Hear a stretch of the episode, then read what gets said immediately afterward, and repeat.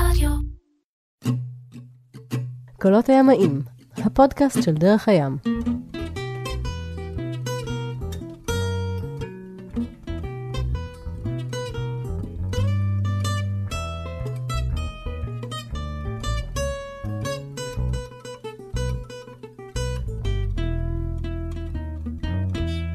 קולות הימאים, הפודקאסט של דרך הים, פרק חדש, נמצא איתי, אני נמצא עם למעשה, מני קייזר, אהלן, מה שלומך? מצוין. שחזר לפני כמה חודשים מהרפתקה של כנראה פעם בחיים. נכון, הרפתקה של פעם בחיים. קליפר ראונד the World Race, מרוץ סובב העולם של קליפר. אכן כך. איך היה? וואו, חוויה משמעותית מאוד בחיים, ועדיין השאיר uh, דברים מאוד מאוד uh, משמעותיים בצד הרגשי והתנהלותי בחיים. תכף נשמע את ההרפתקאות ואת הפרטים, אבל אתה יכול להסביר לי רגע בתור התחלה, ולמי שלא מכיר ממאזיננו ולא שמע נגיד את הפרק עם רונן קלר, שגם היה בקליפר, מה זה הקליפר? הקליפר uh, זה מרוץ סביב העולם, מחולק לשמונה מקטעים, מתחיל בלונדון, משם לדרום אמריקה, דרום אמריקה, דרום אפריקה, דרום אפריקה, מערב אוסטרליה, מערב אוסטרליה, מזרח אוסטרליה, משם לסין, סין לסיאטל בארצות הברית, מקיפים את ארצות הברית דרך תעלת פנמה, ואז משם לאירלנד, אירלנד עולים צפונה וחוזרים ללונדון. סך הכל שמונה מקטעים.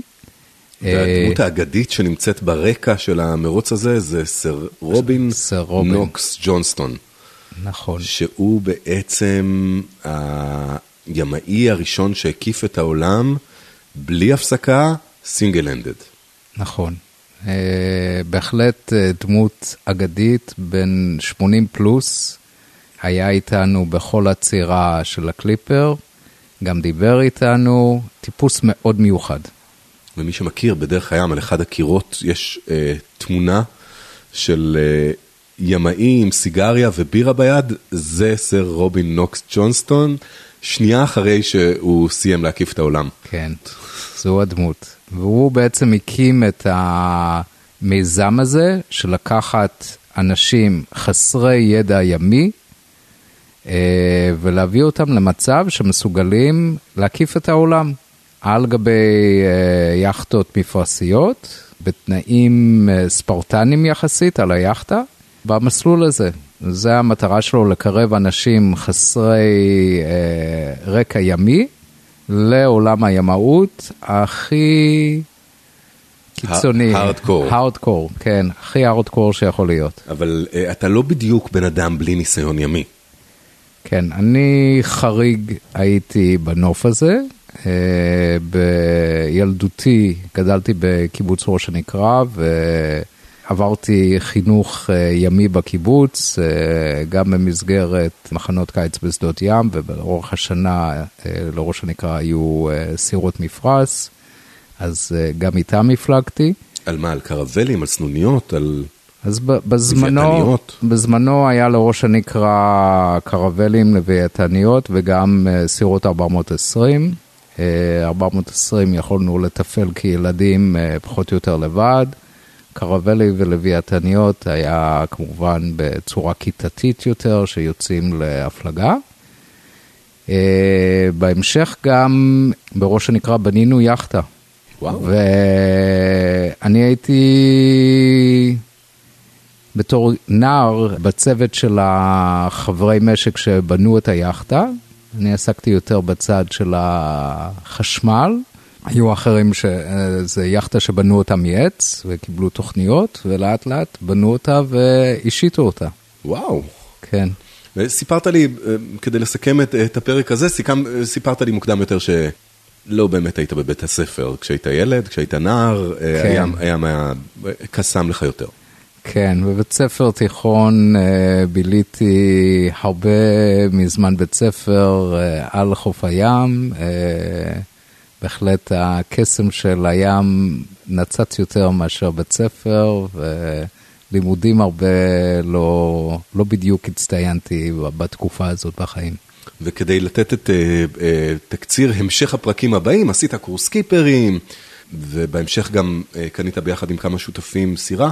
נכון. Uh, בהמשך כאילו חזרתי אחרי תקופה ממושכת uh, שהתנתקתי מהים, אחרי הצבא. התמזל מזלי והתארגנו חבורה שיצאנו יחד לקורס סקיפרים, עשינו גם משיט 60 ו... לאחר מכן החלטנו גם לרכוש סירה, והחלום הזה באמת התגשם, רכשנו סירה, שאיתנו עד היום, כבר מעל 16 שנה. במרינה בהרצליה. במרינה בהרצליה.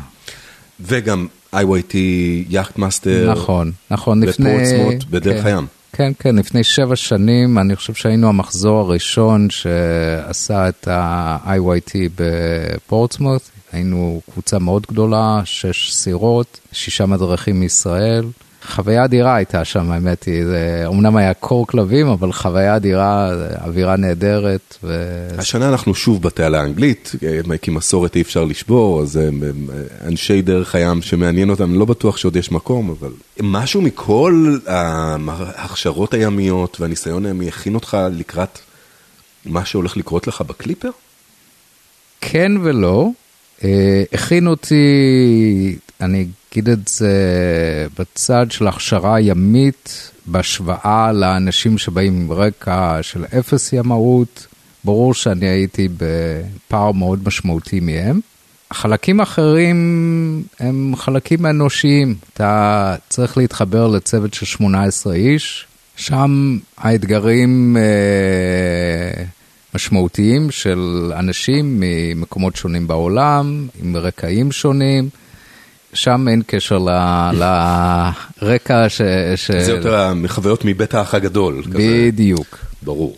בוא, בוא נחזור רגע לרגע שבו אתה אומר לעצמך, אני הולך להירשם למרוץ הזה, איך זה קרה? הצטרפתי למרוץ הזה כתוצאה מהתלבטות אה, ארוכת שנים שהייתה לי אה, להגשים חוויה של לחצות את האטלנטי. בתחילת המחשבות חשבתי להצטרף למרוץ הארק, Atlantic Rally Crossing, שזה בעצם לעבור את האטלנטי מצד מזרח לכיוון מערב. מהאיים הקנריים לאיים הקריביים? לאחר התלבטות שאולי ההפלגה הזאת תהיה פחות מאתגרת ממה שאני מחפש, חיפשתי דרך לחצות מכיוון אה, מערב למזרח. ואחד השותפים שלי בסירה בעצם חיבר אותי לרעיון הזה של הקליפר. נפגשנו גם עם סקיפר שהשתתף במרוץ הזה, שעוד יותר חיבר אותי לרעיון.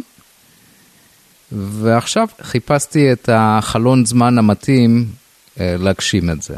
החלון הזה אה, קרה כתוצאה מהחלטות כמובן אה, משפחתיות, שצריך בעצם להפסיק לעבוד, כי מדובר פה על חודשים של היעדרות, והחלטתי להפסיק לעבוד ולהגשים את החלום. וזה מה שקרה. וזה מה שקרה. וכך יום אחד מצאת את עצמך בפורטסמוט? נכון. חזרה לזירת הפשע, אותו מקום שבו פחות עשית... פחות או יותר, כן. מרינה אחרת, אבל באמת באותה זירת פשע הגעתי לפורטסמית, הכרתי את האנשים שהתחילו איתי את ההכשרה. זה קורס יהודי שמארגן את המיזם הזה של קליפר. לכל מי שרוצה להשתתף במרוץ חייב לעבור ארבע קורסים. רוב האנשים עוברים את ארבעת הקורסים האלו בנפרד, לא שבוע אחרי שבוע, אבל היות שאנחנו רצינו אה, להשתתף במרוץ שמתקיים באותו שנה, אז החלטנו לעשות את ארבעת הקורסים האלו אה, שבוע אחרי שבוע אחרי שבוע. מאוד קשוח, אבל אה, אפשרי. ומה למדת שם? בעיקר למדתי אלמנטים שקשורים לנהלי עבודה של המיזם של, של קליפר, כלומר יש להם נהלים מאוד קשוחים אה, על ביצוע כל פעולה, אז אם אה, עושים סיבוב, מהפך אה, או כל דבר אחר, צריך לעבוד לפי הספר שלהם.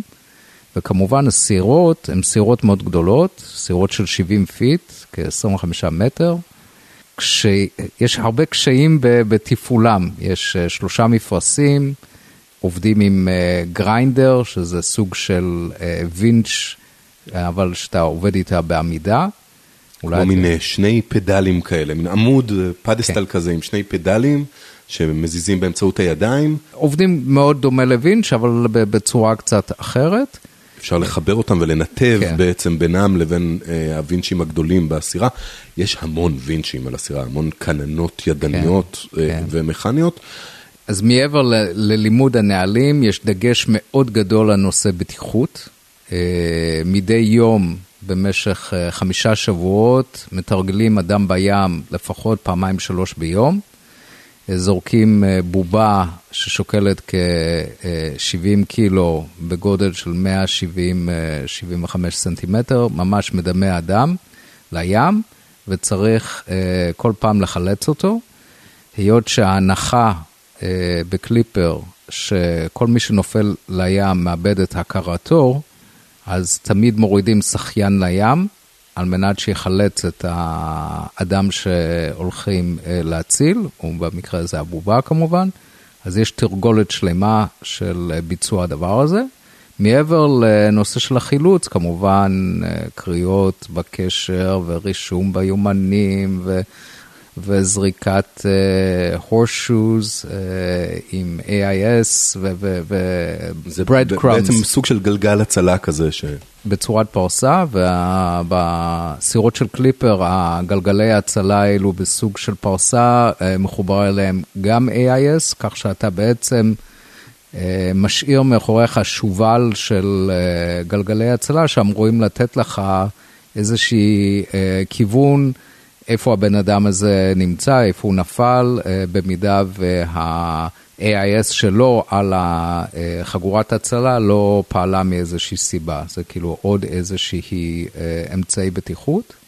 כן, זה מאוד אינטנסיבי הנושא של אה, להציל אדם בים, בעיקר כשיש גם ספינקר ותרגולות עם ספינקר, איך עושים את זה. ו...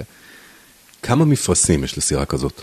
אז הסירה, יש לה את המפרש הראשי, יש לה סטייסל ויש לה מפרש קדמי, אה, מהרבה מאוד סוגים. בסך הכל יש אה, בבטן הסירה 11 מפרשים קדמיים, ששלושה סוגי ספינקר סימטרי, שלושה סוגי מפרש חלוץ, ואחרי זה עוד שלושה מפרשים שהם אחד מפרש שערה, אחד מפרש שאיתו מחפשים את הרוח זה נקרא, ועוד מפרש אחד ספייר.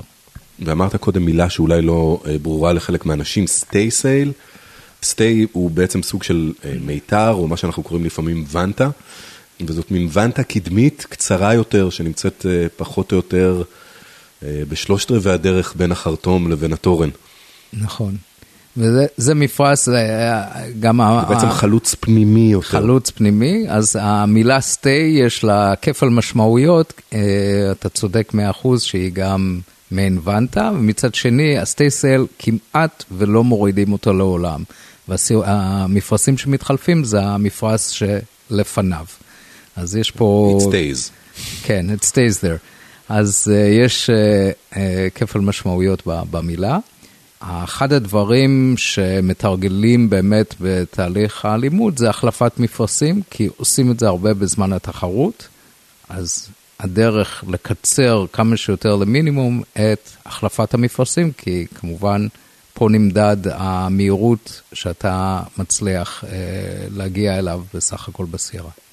תיארת קודם את uh, המסלול, ואמרת גם שהיה לך חלום לחצות את האטלנטי, אז אני מניח שהלג שאליו uh, uh, התעתדת להתחרות היה הלג שחוצה את האטלנטי.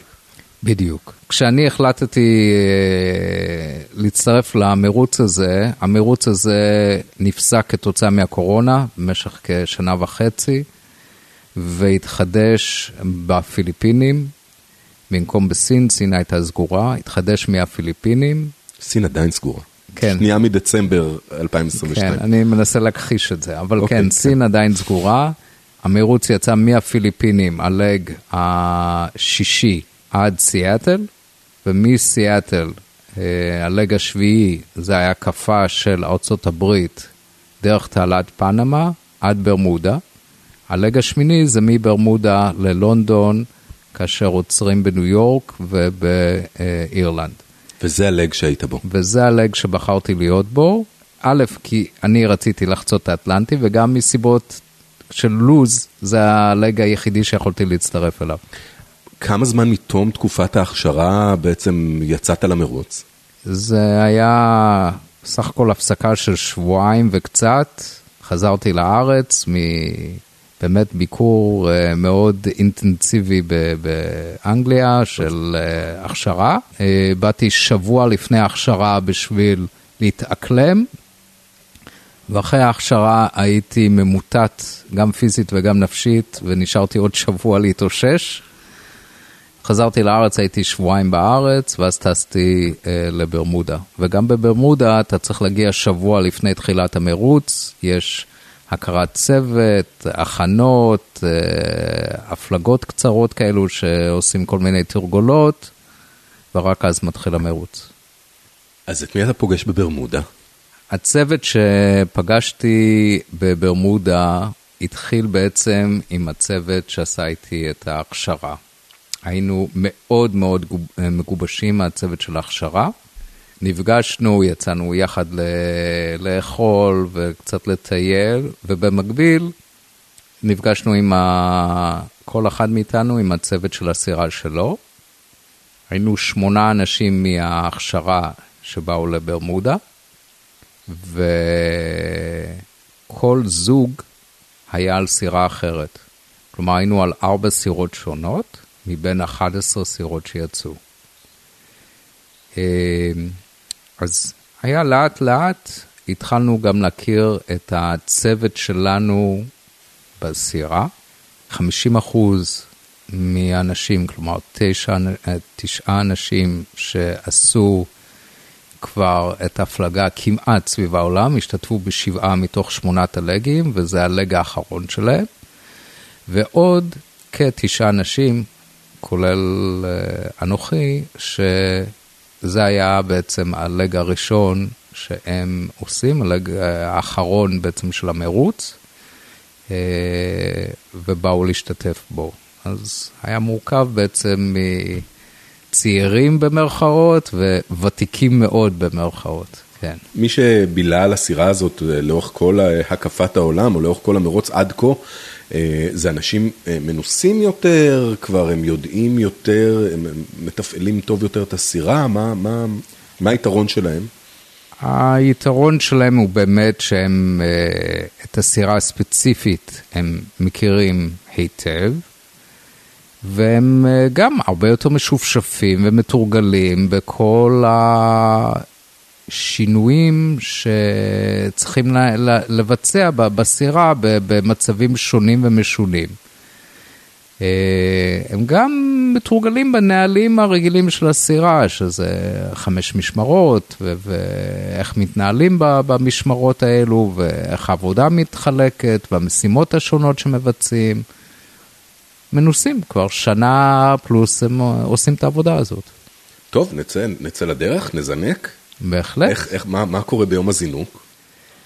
אה, ביום הזינוק, אה, התהליך הראשון זה כמובן אה, הורדת אה, חבלים אה, מהחוף, שבה בעצם גוורדיה שלמה, כולל סר רובין וצוותי צילום והרבה PR ומברכים ויוצאים לביי הסמוך למרינה אנחנו בברמודה, בברמודה. אנחנו... והכיוון הוא צ, צ, צפון, צפון פחות או יותר, לניו כן, יורק. צפון, טיפה מערב אה, לניו יורק. אה, עושים אה, מספר הקפות באזור, אה, כל הסירות יחד אה, לשם אה, ראווה, יוצאים לים, וכ-50 מייל מברמודה בעצם מתאספים לקו זינוק וירטואלי. המטרה היא לבצע זינוק בעצם רחוק מכל תנועה של סירות אחרות שלא יפריעו לזינוק של המרוץ. כשאתה אומר זינוק וירטואלי זה בעצם שתי נקודות GPS שביניהם נמתח קו דמיוני. וירטואלי, דמיוני. נכון. הסקיפר שלנו היה אחראי על הזינוק, הוא בעצם דואג ליישר את כולם, אה, והאמת היא שהמרחקים בין הסירות מאוד קצר, מדובר על 10-20 מטר בין סירה, ממש נעמדים כאילו, כאילו נעמדים בקו ישר, רק המפרש הראשי פתוח, כל הצוותים אמורים להיות מאחורי התורן, ובהינתן הזינוק, כל הצוותים רצים קדימה ומעלים את מערך המפרשים הקדמי יחד, ויוצאים לדרך, חייבים לשמור על אה, כיוון אה, זהה למשך איקס אה, מיילים, ורק אז אפשר בעצם לשנות זווית לרוח. הטקטיקה מתחילה רק אחרי הזינוק. נכון. אנחנו יוצאים לדרך, האמת היא שבתחילת הדרך הרוח הייתה מאוד נמוכה, חמישה, שישה קשרים, לא התקדמנו מאוד מהר. כמה מהר הסירה מפליגה בחמישה-שישה קשרים? שלושה, ארבעה. קצת יותר מחצי. כן, קצת יותר מחצי. ובהמשך אה, אנחנו נפרדנו לאט לאט מהסירות האחרות, הרוח קצת עלתה והתגברה והתגברה, ואז כאילו אה, באמת המהירות עלתה. אנחנו הפלגנו סביב השמונה, תשעה קשר אה, במהירות הזאת לאורך רוב הזמן. כמה מיילים פחות או יותר עושים נגיד ביום ממוצע? אני חושב שסביב ה-200 מייל, זה, זה הסדר גודל. וכמה ימים בעצם אה, עורכת הדרך מברמודה לניו יורק? כשבוע, זה okay. אוקיי. סדר הגודל. קצת על הדרך בין ברמודה לניו יורק. היינו 11 סירות, אה, כל הסירות אה, נמצאות בקשר VHFי, וגם כי המרחקים פה לא היו גדולים מדי בין הסירות. וכמובן אנחנו נמצאים בקשר לוויינים, יש צורך אה, גם למרכז התחרות. ובאמצע הדרך אנחנו שמענו שאחד הסירות אה, היה לה בעיה, והסתבר שהסירה אה, התנגשה בלווייתן. וואו. כן, כתוצאה מכך לדאבוננו הלוויתן אה, מת מההתנגשות, וגם הסירה ניזוקה, crash bulkhead, באמת מצא את מקומו, כאילו... כשאומרים crash bulkhead או water tight bulkhead, זה בעצם חרטום הסירה, מה שאולי אנחנו מכירים מחלק מהיאכטות כתא העוגן, שהוא בעצם אה, אטום למים ומופרד משאר הסירה למקרה כזה בדיוק של התנגשות באיזשהו חפץ, עצם, בעל חיים, ואז אם יש אה, פריצה של מים, בעצם נשארת בחרטום ולא, או לפחות אמורה, לא לזלוג לתוך הסירה. אכן כך. אה, הם היו עסוקים מאוד בבקרת נזקים קודם כל. וכמובן בבקרת נזקים פיזיים, כי זה ממש התנגשות כמו בהתנגשות בקיר, אנשים עפו בתוך הסירה, קיבלו מכות יבשות, והחלק הנוסף זה גם הצער על אובדן של לוויתן בים, שכמובן הוא מאוד uh, מצער וצריך גם עליו uh, להתגבר על האובדן הזה. בהמשך הדרך, אה, הסירה שלנו אה, גם עברה איזשהו אירוע. הייתי בשעה לערך של תשע וחצי בלילה במשמרת, והיה לה סיפון סגן הסקיפר, ופה במאמר מוסגר בסירה, בתוך הצוות שלנו יש סקיפר וסגן סקיפר בשכר, ש... מתחלפים בין המשמרות.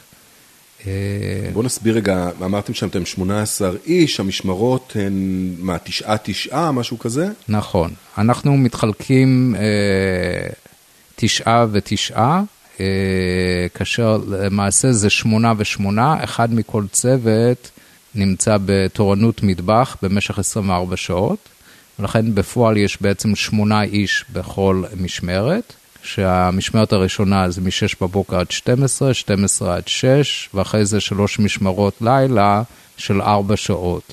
כלומר, מ-6 בערב עד 10, מ-10 עד 2 לפנות בוקר, ו-2 לפנות בוקר עד 6 בבוקר. משמרות הלילה שהן קצת יותר קשות, אה, באופן כללי קצרות יותר. נכון. אבל מצד שני, אין לילות שינה רצופים. נכון. אתה, או, כאילו, אתה ארבע שעות ישן בלילה, ארבע שעות ער. כן, אבל זה בברוטו של הברוטו, בפועל יש מעין כמה, קצת זמן חפיפה בין משמרת למשמרת שמעבירים את המקל. לאחר מכן יש תהליך של להפשיט את השכבות של הבגדים, שלוקח זמן, להיכנס למיטה, להתארגן, ובדרך כלל מרים אותך חצי שעה לפני שהמשמרת שלך מתחילה, אז בדרך כלל לכל היותר יש לך שלוש שעות של שינה רצופות בלילה. אה, הגוף שלך אחרי פרק זמן מסוים מתחיל, נקרא לזה, להתרגל לזה שכל מה שהוא יושן רצוף זה שלוש שעות, לכל היותר, אם אין תקלות ואין אה, דברים נוספים. באותו לילה, בתשע וחצי בלילה, אה, התחיל אירוע אצלנו בסירה, שאנחנו לא כל כך היינו ערים בתחילת הדרך לאירוע. אה, סגן הסקיפר ביקש מאיתנו לצמצם מפרשים, אה, כלומר, אה, זה לצמצם את המפרש הראשי ולהחליף את ה... אנחנו הפלגנו עם ספינקר, להוריד את הספינקר ולשים במקומו מפרש חלוץ רגיל. זה תהליכים שלוקחים יחסית הרבה זמן. לסדר גודל של להוריד את הספינקר אצלנו בסירה ולהחליף אותו במפרש חלוץ לוקח כ-20 דקות. וואו. וגם הראשי, צמצום הראשי, אה, ממצב שבו אתה מפליג בגבית, אה, לוקח כ-20 דקות אה, לצמצם אותו. היות שאנחנו צוות אחד, אז זה בדרך כלל פעולות שנעשות לא בדיוק במקביל, אלא די בטור. אז התחלנו בתהליך הזה, ופתאום אנחנו שומעים שהסגן סקיפר מכריז על כך שהוא לוקח את ההגה. עכשיו זה מאוד חריג, כי הסגן סקיפר והסקיפר לא אמורים לעשות שום תפקיד בסירה פרט לנהל אותנו. אז ברגע שסגן סקיפר אמר שהוא לוקח הגה, אצלי לפחות תדלק איזושהי נורית אזהרה מה קורה פה, למה הוא לקח הגה. אבל אני הייתי תוך כדי עבודה של צמצום מפרשים, אה, ולא אה, יותר מדי ייחסתי לזה חשיבות. אה, בזמן שאני עובד בתהליך הזה, פתאום הסגן סקיפר אומר לנו לעבור מחבל ריתמה ארוך לחבל ריתמה קצר. חבל ריתמה זו, זה בעצם כמו leash כזה, כמו איזה רצועה, כמו tether כזה, אה, אה, חבל שקשור בינך לבין ה lifeline בסירה, לבין חבל החיים בסירה, מה שרותם אותך לסירה. נכון. נכון. לא מאפשר לך להינתק מהסירה במקרה של טלטלה גדולה או משהו. בדיוק, אז אני אסביר וארחיב. כשאנחנו עולים לסיפון, אנחנו לובשים אה, אה, חל, אה, חגורת הצלה, שאליו קשורים הרתמות האלו, וכל עוד שאנחנו על הסיפון, אנחנו תמיד קשורים לסירה. אין מצב שעולים לסיפון ולא קשורים לסירה. והנוהל הקבוע הוא שברגע שאתה עולה לסיפון, אתה, אם אין לך איזשהו תפקיד שאתה מבצע, אתה נקשר עם החבל רתמה קצר. אבל אם אתה מבצע עבודה כמו צמצום מפרשים, אתה צריך מרחב עבודה, אז אתה נקשר עם החבל הארוך. ברגע שהוא אמר לנו להיקשר לחבל הקצר, זה אומר להפסיק לעשות את העבודה, וכנראה הוא עומד לקרות איזה אירוע, הוא לא סתם אומר את זה. וכמה שניות לאחר מכן הגיעה אה, סערה מסוג סקואל. מילה בעברית לסקואל יש? זה תא מזג אוויר קטן מאוד, זה כמו שקע קטן, קטן, קטן, אה, מאוד זמני. אה, ביחס לסערות אמיתיות, ויוצר בעצם אה, כמו שקע, רוחות מכל הכיוונים, זאת מכיוון שזה שקע שעובר מהר, בעצם יוצרים תנאי סערה זמניים, אבל מאוד קיצוניים. אכן כך. אני תיארתי את זה לחברים שלי, זה כמו שפוגש אותך טורנדו מאוד מאוד גדול באמצע הים. הרוחות פשוט מטורפות, וכתוצאה מכך, כמובן, אה, הסירה נשכבה על הצד, כמעט נשכבה על הצד, זה נקרא באנגלית נאקדאון, שמשכיבים את הסירה. שקצה התורן קרוב לפני המים. בדיוק. והיות שעדיין לא אה, הורדנו את הספינקר, הספינקר ממכת הרוח הזאת התנפצה, וההתנפצות היא כמו ממש התפוצצות. זה רעש של ניפוץ ענק, מאוד מפחיד. אה, הספינקר קיבלה שני קרעים אה, אנכיים אה, שנוצרו מהמכת רוח, ואנחנו מהנקדאון, פשוט, אני אישית לפחות, הייתי תלוי בין שמיים לארץ. החבל הזה פשוט החזיק אותי באוויר, עד שהרגליים שלי מצאו על מה להאחז בסירה. אבל אם הייתי בלי החבל הזה, הייתי כבר מזמן במים, יחד עם שאר אנשי הצוות. חוויה מטלטלת, אבל הסברתי אה, קודם בהקדמה שלנו, שכשאתה לא הסקיפר של הסירה, הראייה היא מאוד שונה. אני הסתכלתי על זה יותר בתור חוויה כמו בלונה פארק, שאתה עולה ויורד באיזה רכבת הרים משוגעת, ופחות חששתי לחיי האישיים באיזושהי צורה או דרך. אבל אה, לידי הייתה מישהי מדרום קוריאה, והיא נכנסה לטראומה מאוד קשה, ונכנסה לתנוחת עובר כזאת, ולקח לנו הרבה זמן יותר מאוחר אה, להוריד אותה לתוך הסירה, ויומיים אה, שכבה במיטה עד שהיא התאוששה מהטראומה שעברה. זה לא, לא אמרנו קודם, יש אחוזים גבוהים של נשים, יחסית. ב... זה כאילו מצטייר כמו איזה משהו גברי וזה, אבל יש uh, כמה? 30 אחוז נשים 30 או משהו אחוז. כזה בקליפר. כן. הקליפר... מדהים, ואנחנו, כן. בוא, בוא, בוא נשאף ל-50 אחוז, אה? כן. הקליפר מאוד מעודד אה, נשים להצטרף. כולל סקיפריות, אם אני לא טועה. יש גם חלק מהסירות כן. מונהגות על ידי סקיפריות נשים, שזה מדהים. כן, כן ירבו. אה, זה בהחלט אה, חוויה בעיניי אחרת שיש אה, נשים על הסירה, ולא רק אישה אחת, אלא 30 אחוז, שזה אומר כחמישה נשים היו על הסירה. בהחלט חוויה חיובית בעיניי. אז עברנו את הסערה הזאת, כמובן הצוות שהיה מתחת לסיפון עף מכל מקום שהם היו. והסקיפר עלה על הסיפון ולקח פיקוד על האירוע והתחיל לנהל את האירוע בצורה מאוד uh, מתודית ורגועה על אף התנאים הקיצוניים, ואפשר לנו בעצם לאסוף את הספינקר uh, לתוך הסיפון, לתוך הסירה אחרי זה, ומיד שאנחנו מכניסים את המפרש פנימה, אה, מוציאים את מכונת התפירה ומתחילים את מלאכת התיקונים של המפרש. למרות שכמו שאמרת קודם, יש עוד שני ספינקרים, ספינקרים נוספים מוכנים. נכון, אבל כל ספינקר הוא בגודל אחר. Mm. אז... עם בתנאים אחרים, ואנחנו במרוץ, ואנחנו בדיוק, פה כדי לנצח. בדיוק, ולכן... המטרה היא שיהיה לנו את כל סט המפרשים כל הזמן זמין, על מנת שנוכל תמיד להתאים את גודל המפרש לתנאי הרוח והים. התחלתי בעבודה יחד אה, עם עוד מישהו בנושא של תיקון הספינקר.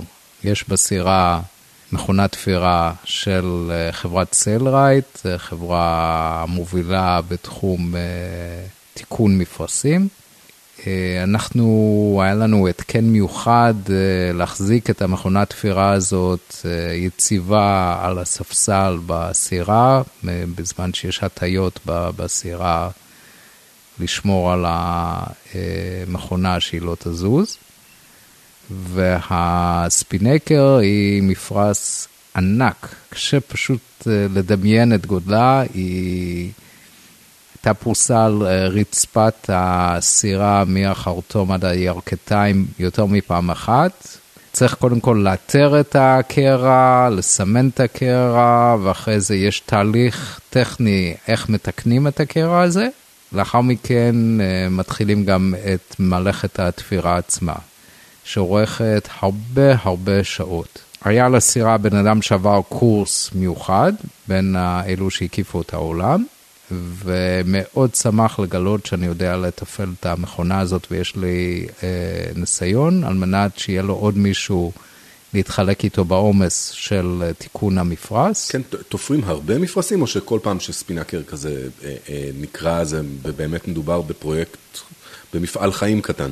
מפרשים אה, נקראים כתוצאה מטעויות בדרך כלל. כמו הטעות הזאת שחווינו עם הסקואל, שלא צמצמנו במהירות המתאימה לאירוע את המפרש. אה, וקוראים גם אה, מזה שהגיא אה, לא מחזיק הגה נכון ופתאום עולה או יורד מהרוח והמפרש מתנפנף לרגע ואז המפרש מתעייף יותר עד שהוא מגיע לקצה גבול היכולת שלו ונקרע. אז כן, תופרים הרבה מפרשים, אה, כמעט לאורך אה, רוב ההפלגה אה, יש מצבים שאנחנו תופרים. המכונה עובדת קשה. המכונה וזה שמפעיל אותה, כן, עובדים קשה, וזה לא רק זה שמפעיל אותה, כי צריך צוות שיגיש את הבד של המפרש לתופר ולמכונה, זה ממש התארגנות שלמה. אה, ואם דיברנו על העבודה במשמרות, אז המשמרת שלא נמצאת במשמרת היא זאתי שבעצם אה, תופרת מפרשים, אז גם כן היא ישנה פחות ופחות ונמצאת בעבודה סביב השעון. אנחנו סיימנו uh, בהמשך הדרך לתפור את המפרש, ומגיעים לקו הסיום, שהוא קו סיום וירטואלי לקראת הכניסה בניו יורק. קו הסיום הוא כ-50 מייל מהכניסה להדסן. המטרה היא אה, לשמור את הסירות במרחק מספיק גדול מכל תנועה ימית אחרת, כמו בזינוק. הגענו למקום, עד כמה שאני זוכר, שישי מתוך 11. יפה. לא רע. ואז מחכים שכל הסירות אה, תגענה, ונכנסים כדבוקה אחת לתוך נהר ההדסן, עוברים ליד אה, פסל החירות, ואנחנו בעצם הקפנו את ההדסן הלוך חזור מספר פעמים כדבוקה. עם uh, הרבה דגלונים תלויים והרבה צוותי PR שמלווים אותנו, וסירות אחרות שבהדסן צופרים וצופרים את uh, ברוכים הבאים לניו יורק.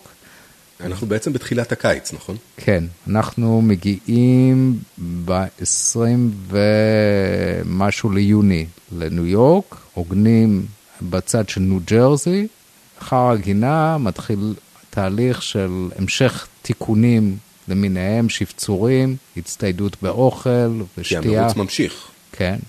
אה, יש הפסקה של גם כמה ימים לבקר במנהטן וליהנות מהעיר. ולאחר ההפסקה חוזרים לסירה, מתארגנים ויוצאים לדרך. היעד הוא לונדון דרי, איירלנד. שזה צפון אירלנד? צפון צפון אירלנד. אבל בדרך גם מחכים לכם שני אתגרי אה, מהירות או אתגרי תחרות, נכון? נכון. בלג הזה. אז בסך הכל, כל המרוץ סביב העולם בנוי על בסיס ניקוד. בסוף המרוץ אה, יש מנצח, אה, זה לא רק מי הגיע במקום ראשון, אלא גם אה, אתגרים בדרך, אז יש איזשהו גייט באמצע האטלנטי, שהראשון שחולף על פניו מקבל ניקוד, ואחרי זה יש שני קווים וירטואליים בתוך האטלנטי, שזה שמבצע חצייה של שני הקווים האלו בזמן הקצר ביותר, גם מקבל תוספת ניקוד. זה מעבר לניקוד של מי שמגיע הראשון ללונדון דרעי.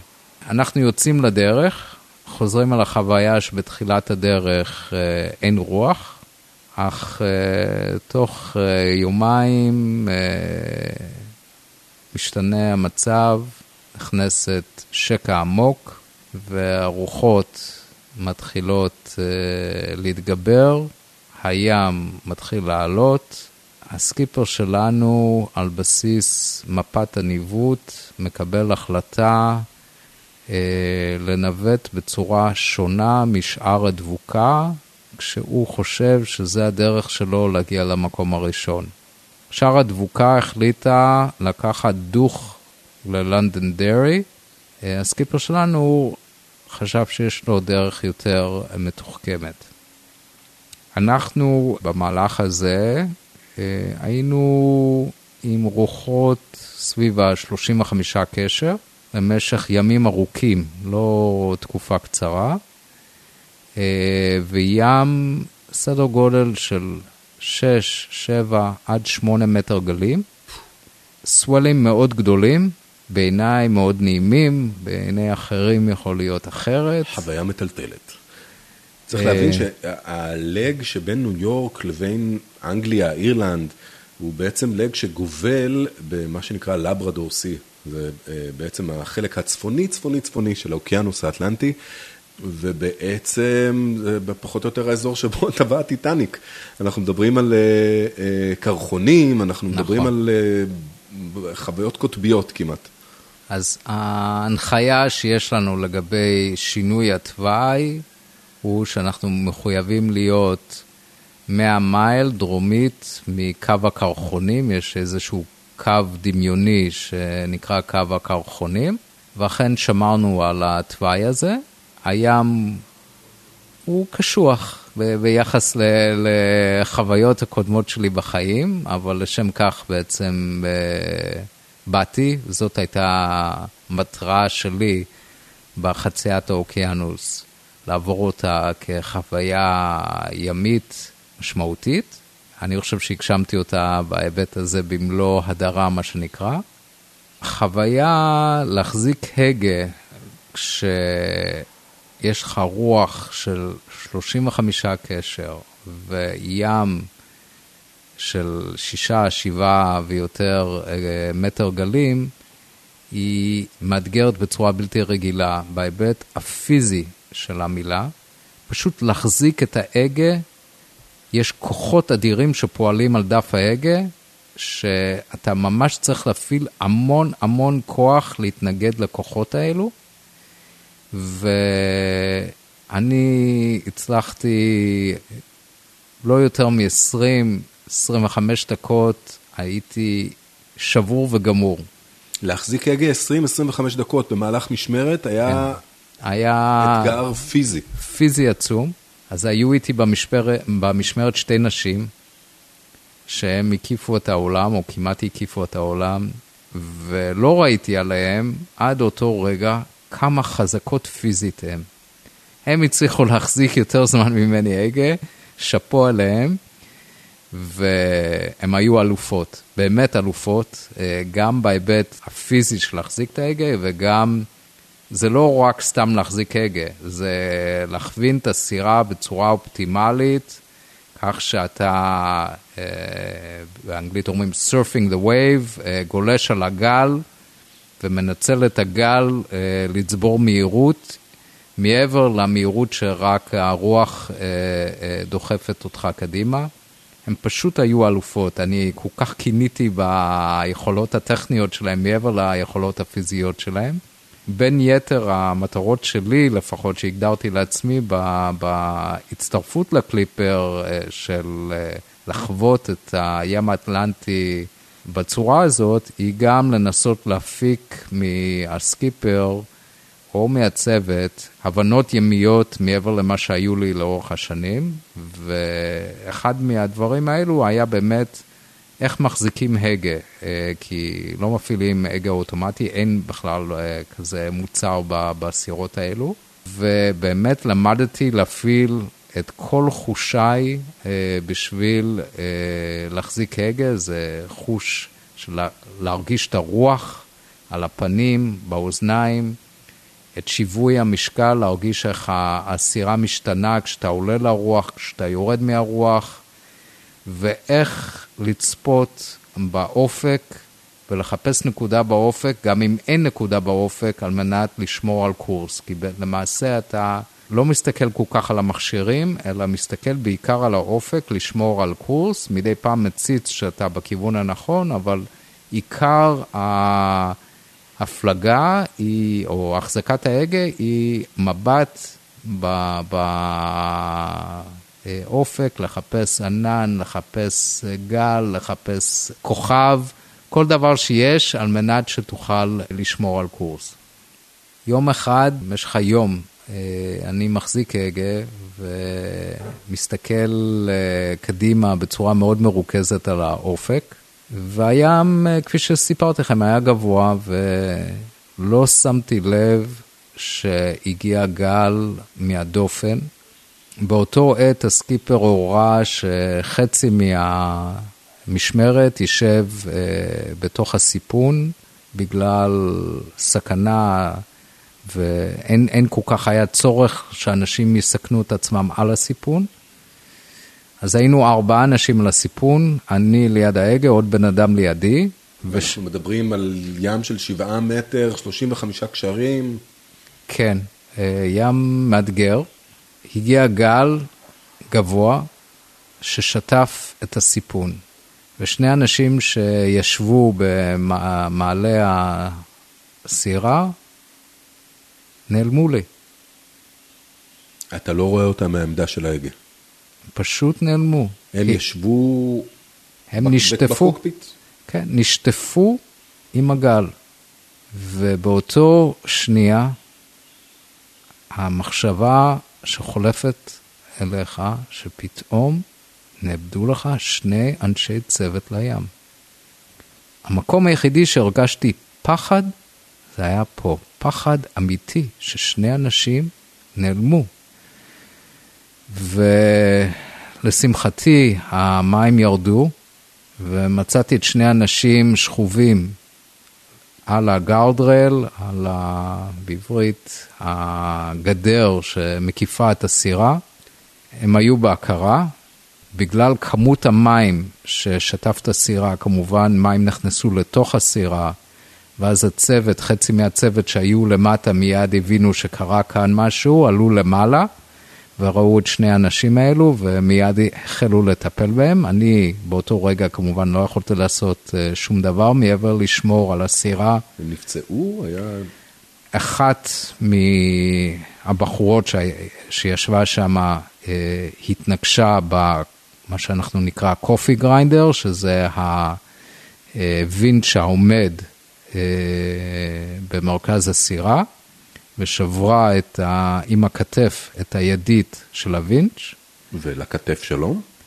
וכפי שאמרתי, הבחורות מאוד חזקות, והיא אה, מעבר למכות יבשות והלם ושתיית הרבה מי ים, עברה את זה בשלום. גם הגבר שהיה איתה בעיקר מכות יבשות והלם ושתיית הרבה מי ים. אה, עברו את זה בשלום, התאוששו אה, אחר שעה קלה, אבל מבחינתי זה השאיר אצלי לפחות איזושהי הבנה כמה אנחנו צריכים לשמור על עצמנו ולעמוד בנהלים, הם לא, לא, לא עמדו בנהלים ולכן באמת האירוע הזה קרה, הם אה, לא השתמשו ברתמות הקצרות במקום שהיו אמורים להיקשר, אלא השתמשו ברתמות ארוכות ולכן בעצם הגל הצליח להעביר אותה מקצה של הסירה לקצה השני. אז הנהלים כתובים בדם, מה שנקרא, וצריך באמת אה, לעמוד על המשמר בנושא הזה.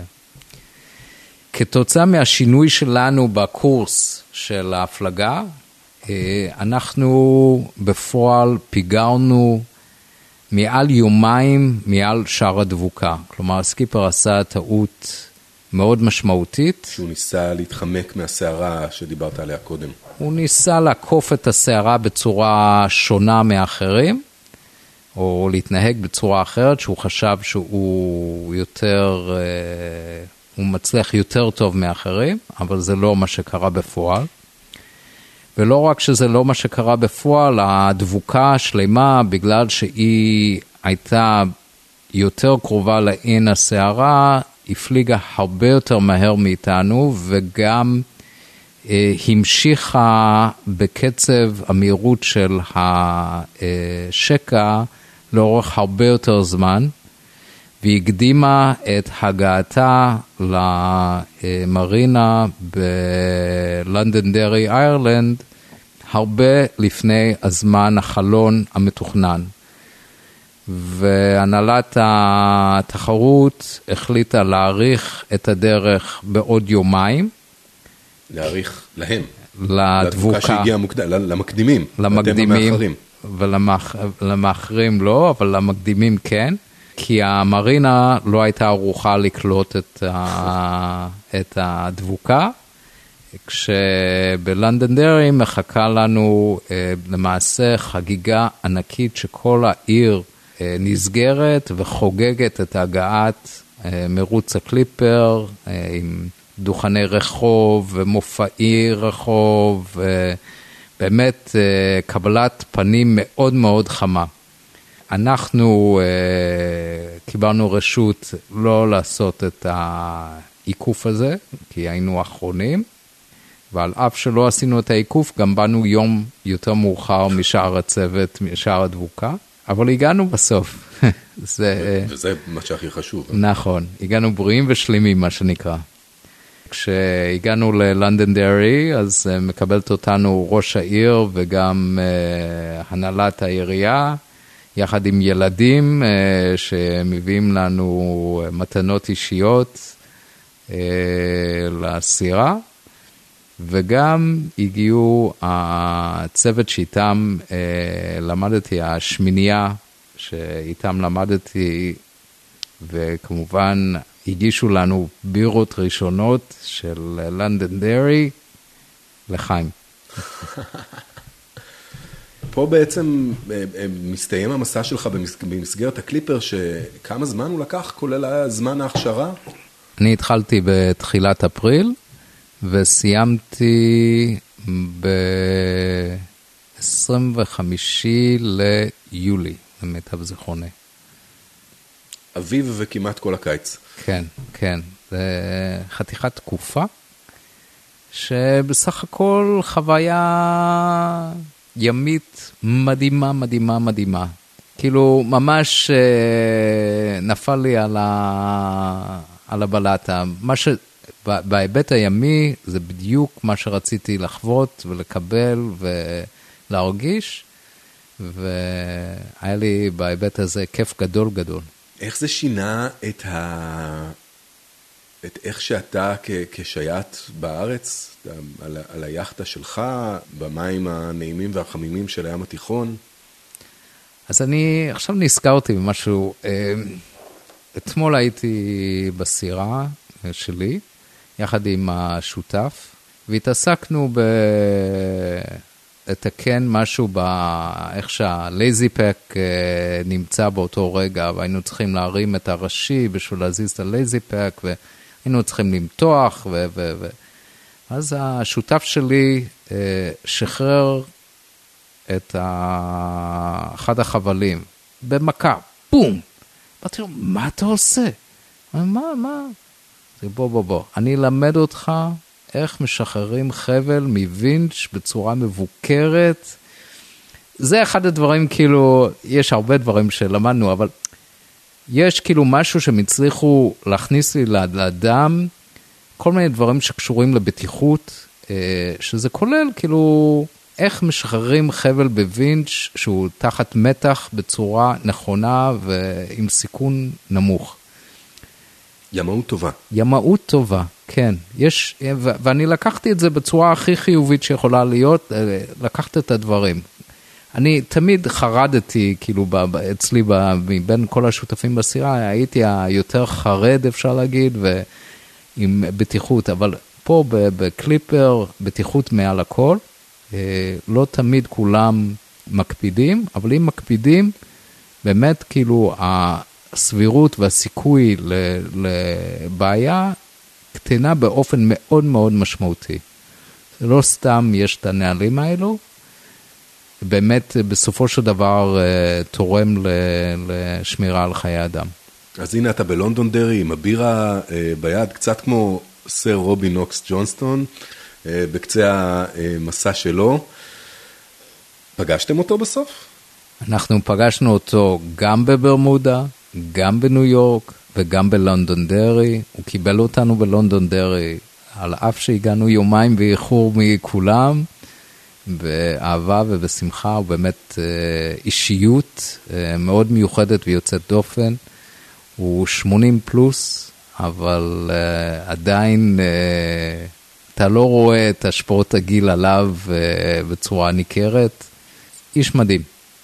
באמת אדם uh, בהיבט הזה שהים כל כך זורם בעורקיו, ש... ובאמת מכיר כאילו את החוויות שאנשים עוברים, הוא עבר הרבה מאוד. והוא נותן היום הזדמנות לעוד אנשים כמוך אה, לחוות אה, את החוויות האלה בצורה מבוקרת, נקרא לזה. כן, ו- כן. ולא לבד. ולא לבד. אה, בני קייזר, תודה רבה על הריאיון הזה. נזכיר שיש לנו קבוצת פייסבוק שנקראת קולות הימאים, הפודקאסט של דרך הים, ושם, אם תרשה לנו, אנחנו נפרסם תמונות מהמסע שלך. אה, לטובת אה, כל מי שרוצה גם לראות איך זה מבפנים. בשמחה. תודה, תודה, תודה. קולות הימים, הפודקאסט של דרך הים. ניפגש בפרק הבא.